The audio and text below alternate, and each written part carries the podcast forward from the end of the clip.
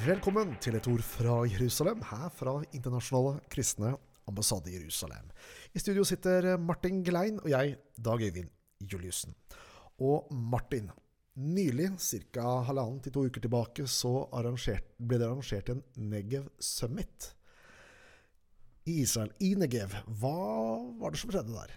Nei, det var en historisk og sensasjonell konferanse. En, et, et toppmøte mellom utenriksministeren utenriksministrene i Israel, uh, Yari Lapid, og utenriksministrene i fire arabiske nasjoner som møttes uh, i Negev. Og Det var utenriksministrene i Marokko, Egypt, Bahrain og De forente arabiske emirater. USAs utenriksminister var òg på møtet. Nettopp. Så det er toppmøte, og dette er ikke vanlig kost i Midtøsten? Det har aldri skjedd tidligere. Og det som var spesielt, jeg fulgte med på den pressekonferansen derfra, det var ikke bare det at det var et toppmøte. Eh, sånn teknisk eh, arrangement, men det var en varme hvor de arabiske utenriksministrene takka Israel for vennskap og var tydelige på at de ønska å utvikle en allianse i forhold til trusselen fra Iran og fra terrorgrupper, og òg øko eh, økonomisk samarbeid. Samarbeid innenfor forskning, turisme, kultur eh, og alle områder med den jødiske staten. Så det er helt nytt og veldig spennende. Uh, og hva er det som skjer i kjølvannet av dette, som jo er en del av fruktene, resultatene etter uh, Abraham-avtalene? Ja, de Abraham-avtalene var, var, jo sensasjonelle, som Donald Trump forhandla fram i 2020. og etter det så gikk jo Kosovo, altså en europeisk stat med muslimsk majoritetsbefolkning, og oppretta ambassade i Jerusalem. Så det var på en måte et signal på at det skjer noe helt nytt. Eh, og nå eh, eksporterer jo Israel eh, både vann og gass og strøm til de omkringliggende arabiske nabolandene. Noe som tidligere ikke har vært mulig. Mm. Hvordan har responsen i området og regionen vært på disse samtalene? Nei, det er jo bare lovord. De står sammen en, en mot en felles trussel. Eh, de her eh, arabisk, sunni-arabiske muslimske eh, nasjonene i Midtøsten mot Iran, som ønsker å ekspandere, og som har terrorgrupper både i Libanon og i Jemen og, og i Irak og Syria. Eh, som ønsker ikke bare å, å, utslette Israel, men som også driver terrorisme mot eh, sunnimuslimske interesser. Så det er en veldig positiv respons. Eh, i hele regionen. Så det bygges her altså en buffer, en allianse, eh, fra Israel til de arabiske statene i, i, mot trusler fra Iran? Ja, Bahrain og Emiratene og flere andre arabiske nasjoner har jo hatt felles militærøvelser, bl.a. Luftforsvaret sammen med eh, USA og Israel. Knytta helt konkret til den trusselen som eh, Iran utgjør, ikke bare for Midtøsten, men for hele verden. Mm. Så her er det altså en allianse både militært, men også næringsliv, kultur, handel, eh, utdanning osv. Og, og turisme. Ja, for første gang så er det oppretta eh, flygninger fra Israel. Tidligere har luftrommet vært stengt over de her statene. Israelske fly har ikke engang fått lov å fly i luftrommet. Men nå er det åpna, og turistene strømmer. Hundretusener begge veier. Fantastisk. Så det her er helt fantastisk. Ja. Men andre krefter i, har eh, reagert negativt på disse, denne utviklingen av fred i regionen? Ja, både Iran, eh, Hizbollah, Fatah og Hamas har fordømt konferansen på det sterkeste.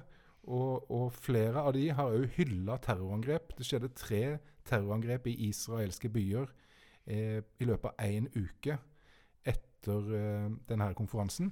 Men, mener man her at den konferansen og disse terrorangrepene hadde noe sammenheng? Absolutt.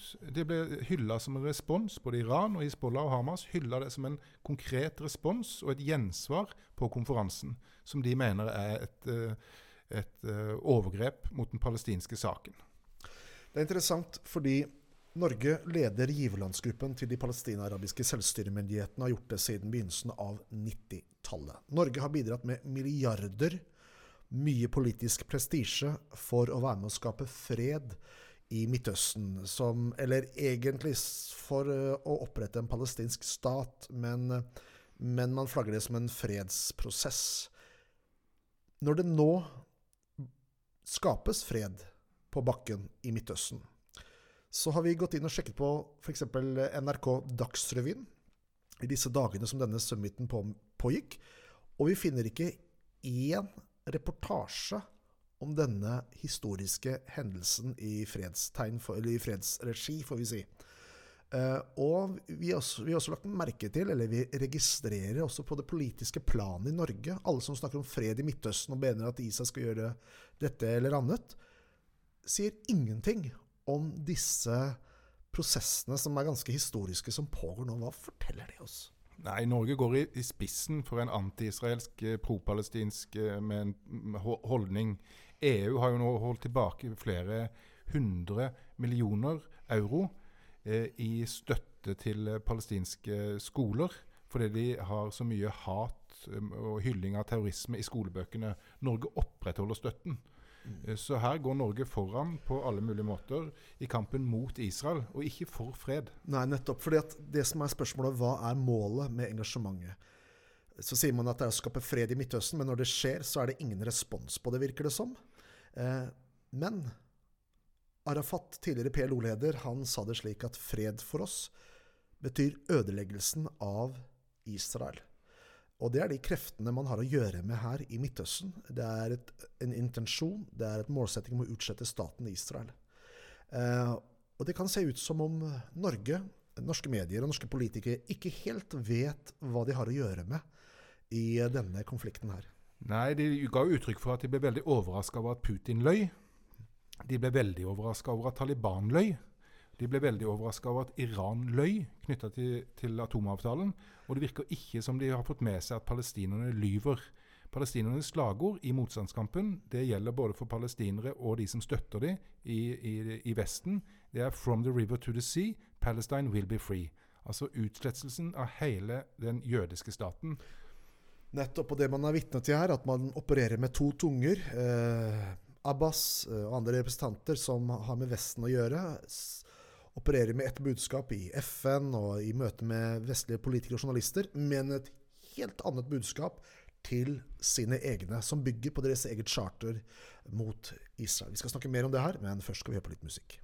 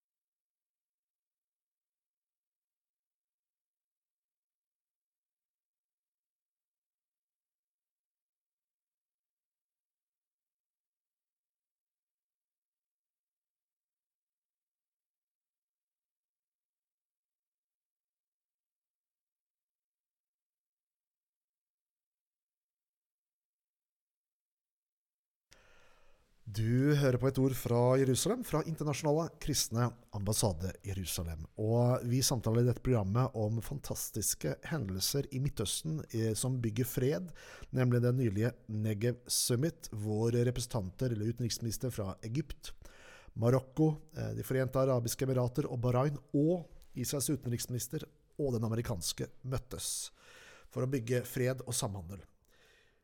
Det er krefter i Midtøsten som motarbeider dette. Eh, det skjedde terroraksjoner som en respons på det. Og det er også krefter her i Norge som ikke ønsker at dette skal finne sted. Ja, Det ser ut til at det, blant norske palestinavenner så tales det med to tunger. For vi har noe som heter Fellesutvalget for Palestina. De kjemper bl.a. for full boikott av Israel. Altså både økonomisk, akademisk og kulturell. Det innebærer f.eks. å utestenge israelske idrettsutøvere fra internasjonale idrettsarrangementer. Eh, avslutte all import og eksport av varer og tjenester. Og I den organisasjonen, Fellesutvalget for Palestina, så sitter AUF, SV, Rødt, Norges Kommunistiske Parti, Senterpartiets Ungdomsparti i Oslo, LO i Oslo, KFUM, KFUK, Norges Kristelige Studentforbund, sammen med ekstremister som BDS Norge, Ship to Gaza og Palestinakomiteen. Og De kjemper altså for full boikott av Israel, altså motarbeide denne alliansen og det samarbeidet som nå vokser fram mellom jødiske og arabiske brødre i Midtøsten. Så vi kan kort oppsummere. De er mot Israel, og de er også mot fred mellom Israel og araberstatene. Ja, de legger ikke skjul på det. Dette er en aktør Alle de partiene eh, jeg nevner nå, de eh, kjemper jo for at alle etterkommere av palestinere som reiste eller flykta, i forbindelse med arabisk krigføring for å utslette Israel, skal ha rett til å vende tilbake. Det vil innebære at jødene kommer i minoritet i landet sitt, og følgelig selvfølgelig utslettelsen av staten Israel. Så her kjemper man ikke for fred, men man kjemper for opprettelsen av Palestina på bekostning av den jødiske eh, statens eksistens. Det hersker det ingen tvil om. I verden i dag så finnes det mange kristne nasjoner, det finnes mange muslimske nasjoner, men det finnes bare én jødisk nasjon. Israel. Og den skal, heller, den skal ikke få lov til å leve i fred. Tragisk. Du har lyttet til et ord fra Jerusalem, fra Internasjonale kristne ambassade Jerusalem. I studio her satt Martin Gelein og jeg, Dag Øyvind Juliussen. Takk for følget. Gud velsigne deg.